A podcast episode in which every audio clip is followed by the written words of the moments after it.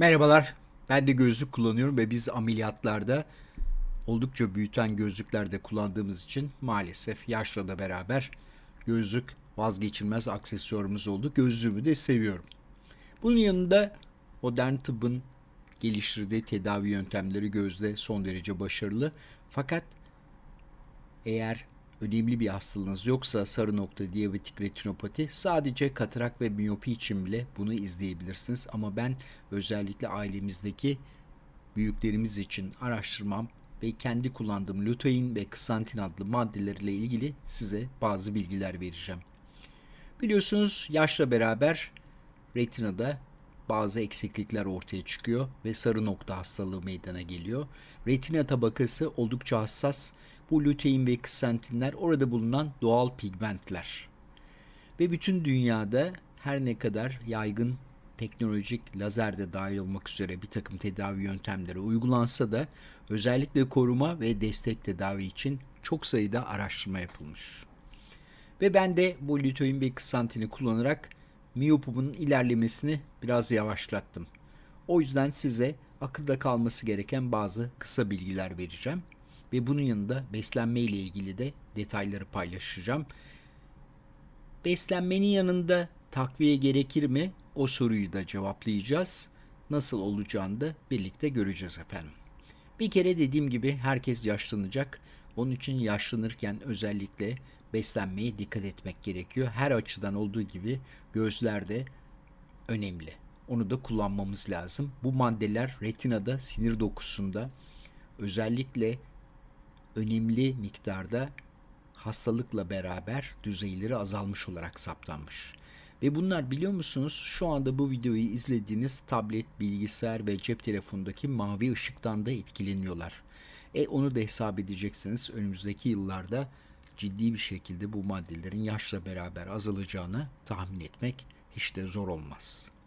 O yüzden bu videoyu izledikten sonra biraz bu mavi ışık saçan ekranlardan uzak durmanızı öneririm.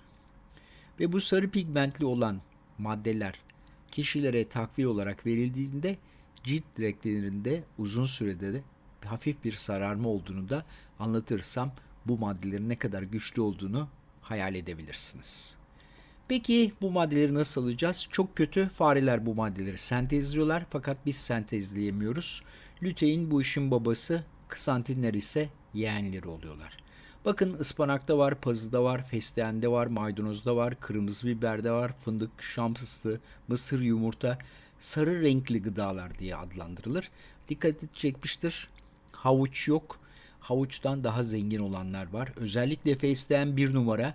Yumurtanın da bir özelliği var. Yumurta da bu karotenoid denen maddelerin emilimini arttırıyor. Ama ıspanağa lütfen dikkatinizi çekerim. En çok kaleksantin oranı, lutein oranı kale dediğimiz bir lahana da var.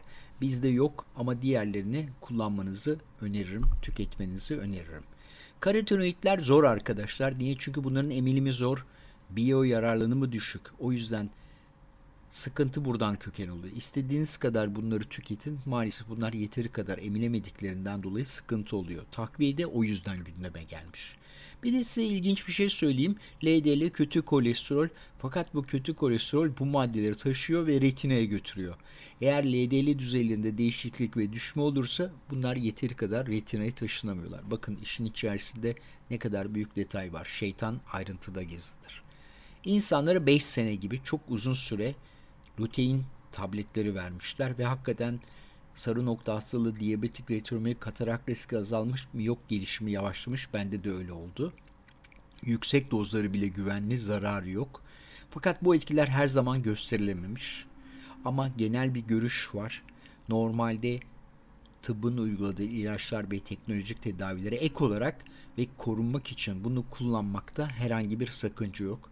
Ben kullanıyorum. Hatta çok sık kullanmıyorum. Aralıklı olarak sarı rengim olmasın ciltte diye arada bir birkaç aylık küçük molalar veriyorum. Gözümüz gibi sağlığımızı koruyalım efendim. Teşekkür ederim. Görüşmek üzere. Hoşçakalınız.